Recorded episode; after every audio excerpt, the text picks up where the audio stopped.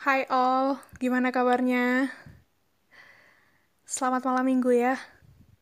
Pada nggak ke mana-mana kan? Udah, gak usah sedih gitulah karena corona jadi pada nggak bisa keluar malmingan. Sebelum corona juga emang sering gak ke mana-mana kalau malam minggu mah. Gak juga ya. Kayaknya aku doang sih yang kayak gitu.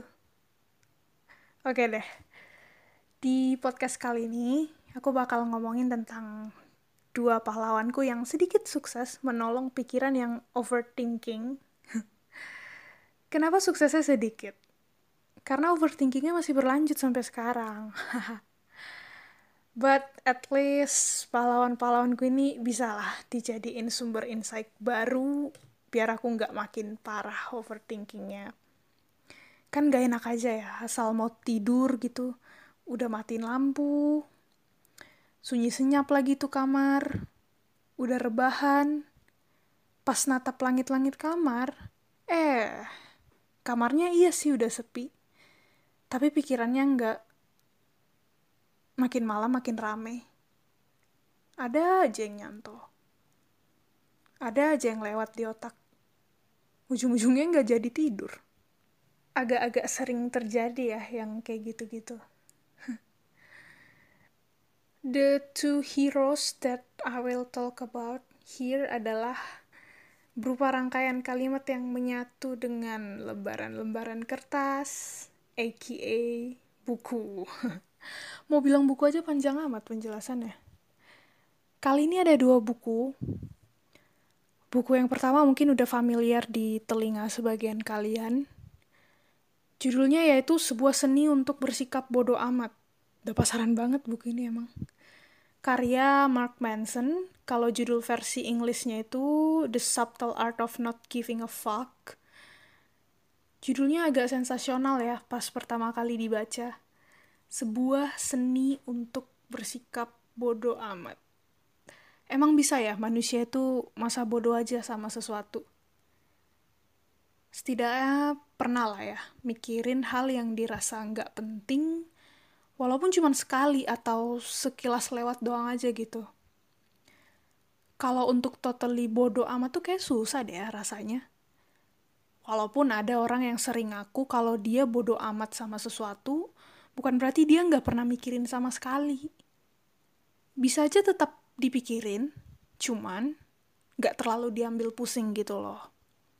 Dan ternyata menurut Mark Manson di buku ini, Gak pernah ada yang namanya masa bodoh, karena kita pasti mempedulikan sesuatu. Ada sisi biologis kita yang pada akhirnya membuat kita akan selalu peduli sama sesuatu. Cuman, presentasi kepeduliannya aja yang berbeda. Ada yang kecil, ada juga yang besar. Lah, terus berarti kita nggak jadi bodoh amatan dong sesuai judulnya?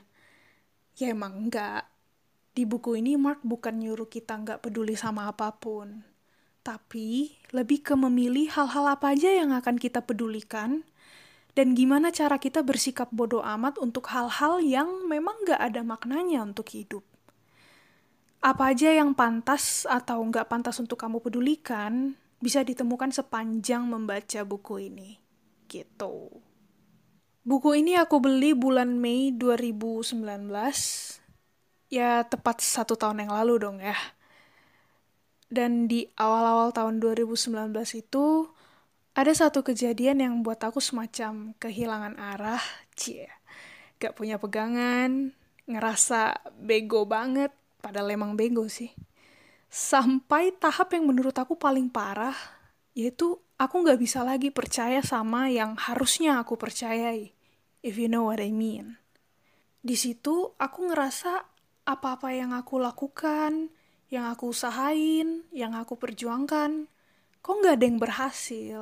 Atau kalaupun ada hasilnya, itu nggak sesuai sama harapanku. Sementara, ada beberapa orang yang kulihat tanpa effort yang lebih pun, mereka-mereka itu bisa mendapatkan hasil yang menurut aku bagus. Jadi aku semacam nggak terima gitu loh. Terus mulailah tuh kan mengkoreksi diri sendiri, apa yang salah, apa yang kurang, apa aku emang sebego itu sampai kayak gini aja harus segagal. Tapi yang aku rasa, evaluasi yang aku buat untuk diriku sendiri itu, ujung-ujungnya malah mojokin diri sendiri gitu. Mau ngajak pikiran untuk berpikir positif pun, itu udah nggak bisa. Kalaupun aku tetap maksain nih buat mikir positif pada saat itu, kayak sama aja cari mati deh kayaknya. Lebih besar energi negatifnya soalnya. Gak sehat banget lah pikirannya waktu itu.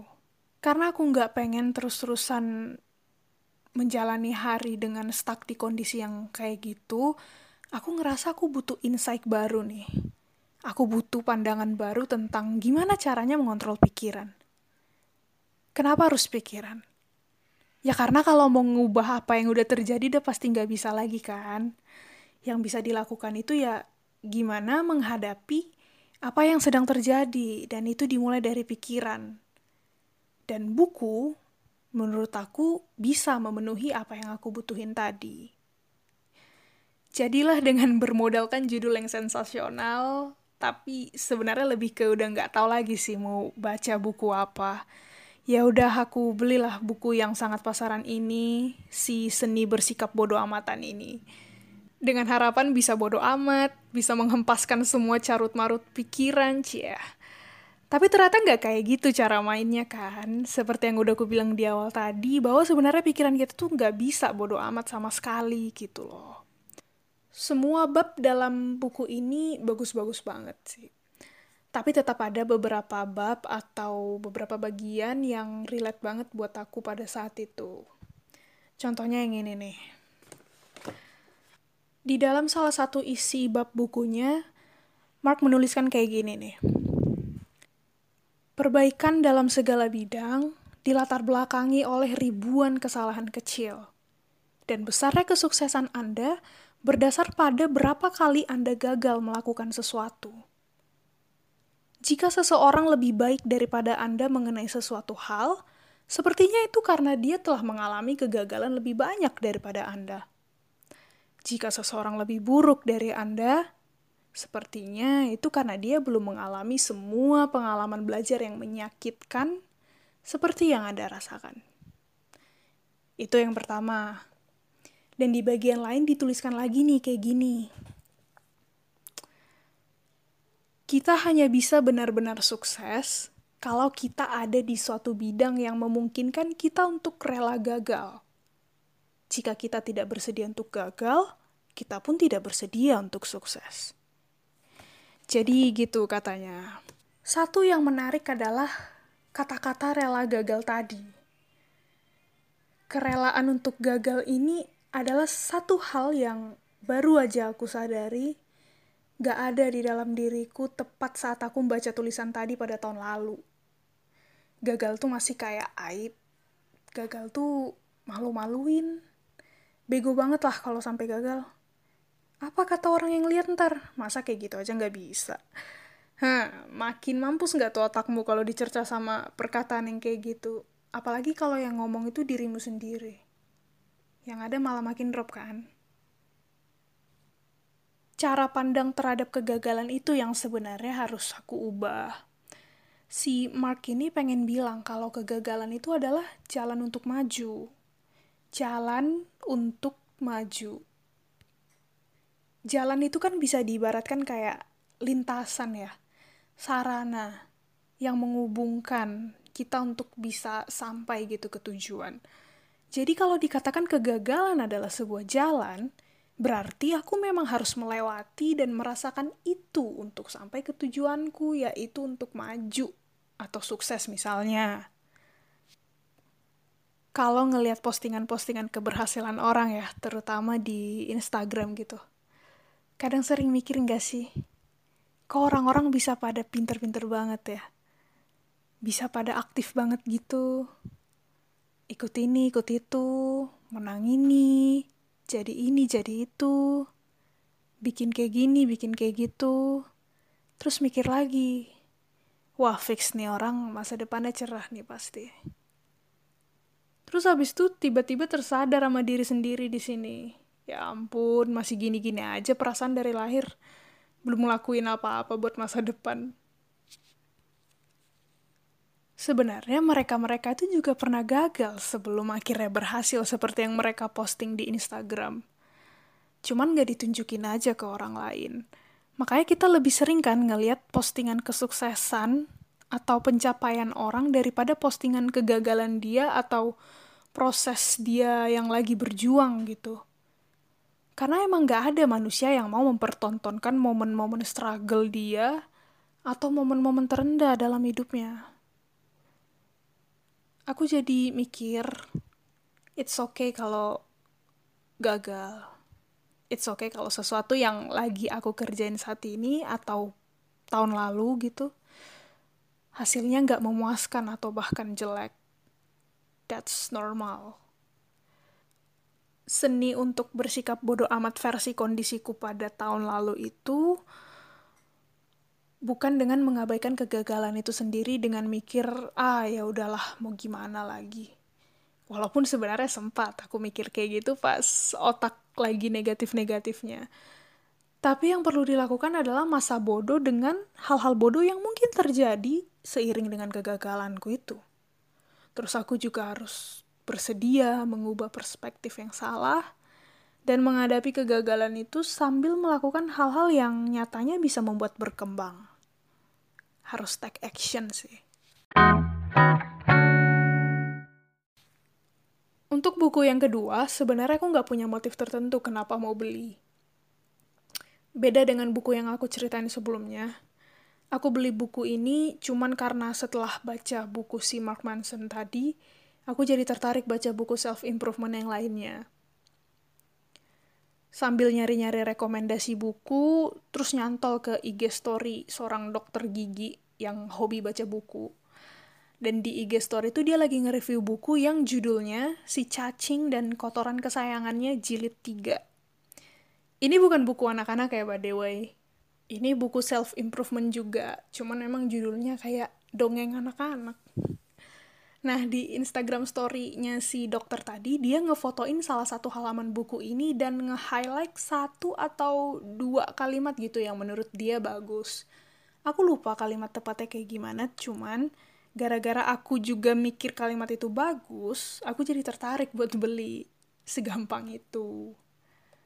Buku ini punya tiga jilid, dan yang pertama kali aku baca adalah yang jilid yang ketiga ini. Sesuai sama yang di IG story dokter itu.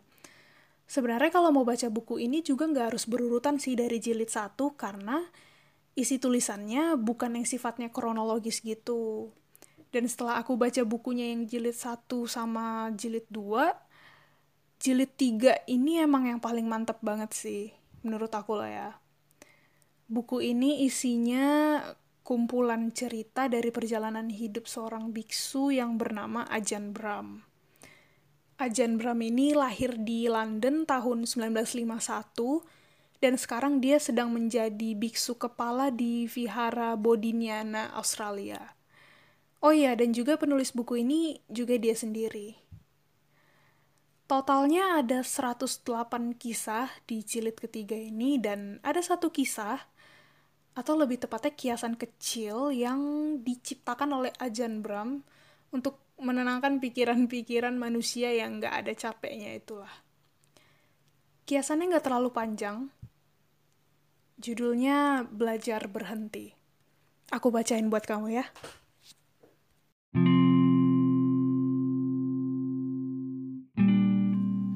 Mengenai krisis keuangan global yang menimpa dunia, saya sering memberikan sebuah kiasan kecil yang saya sampaikan ke banyak orang di Singapura saya mengatakan bahwa krisis itu seperti musim dingin ekonomi. Mereka yang lahir di belahan bumi utara mengalami langsung musim dingin. Seperti yang saya ingat mengenai musim dingin di Inggris. Jika Anda pergi keluar kota, Anda tidak akan melihat sehelai daun pun di pohon. Bunga-bunganya mati, segalanya tampak tak bernyawa. Bahkan hewan-hewan bersembunyi di liang bawah tanah untuk tidur panjang pada musim dingin. Di luar London, segalanya kelabu. Pohon-pohon tampak seperti tengkorak. Tidak ada yang hidup. Tidak ada harapan. Segalanya dingin. Segalanya mati dalam pemandangan musim dingin yang kelabu. Sama halnya pula dengan krisis ekonomi. Tapi Anda tahu, di bawah tanah itu ada banyak benih. Ada banyak hewan-hewan yang hidup. Hewan-hewan yang kuat dan mereka menunggu. Menunggu waktunya bagi kehangatan tiba. Menunggu datangnya hujan untuk berkecambah. Dan ketika musim semi datang, mendadak seluruh lanskap meletup dengan kehidupan. Dengan warna hijau, dan hewan-hewan ini mulai berlompatan keluar dan berkembang biak.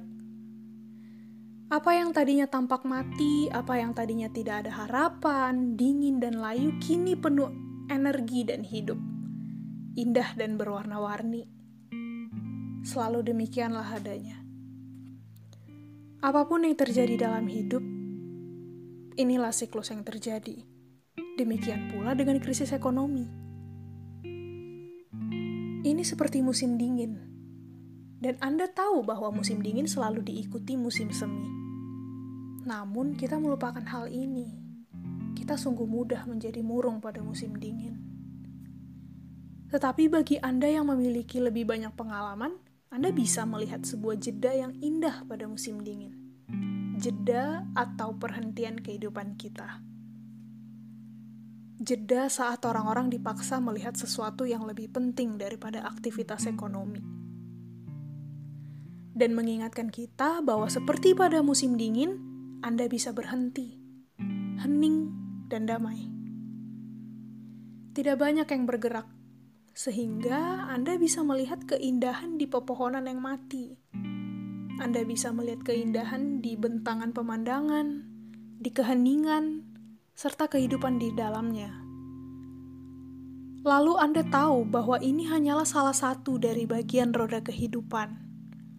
Saat itu Anda mengetahui bahwa bagian dari siklus kehidupan kita berupa krisis ekonomi, kanker, kematian, pernikahan, perceraian, mendapatkan anak, dan segala macam hal. Jadi, saat musim dingin, ketahuilah bahwa musim dingin akan segera datang. Anda tahu itu, tetapi janganlah melupakannya. Inilah sisi positif kehidupan. Dan makin banyak Anda melihatnya, makin Anda hening dan damai. Jadi nikmatilah, santailah. Jangan selalu pergi ke sana kemari, berlari sepanjang waktu. Tapi lambatkanlah kecepatan Anda. Untuk mengingatkan kembali diri Anda untuk memusatkan kembali diri Anda. Itulah meditasi. Belajar cara untuk berhenti.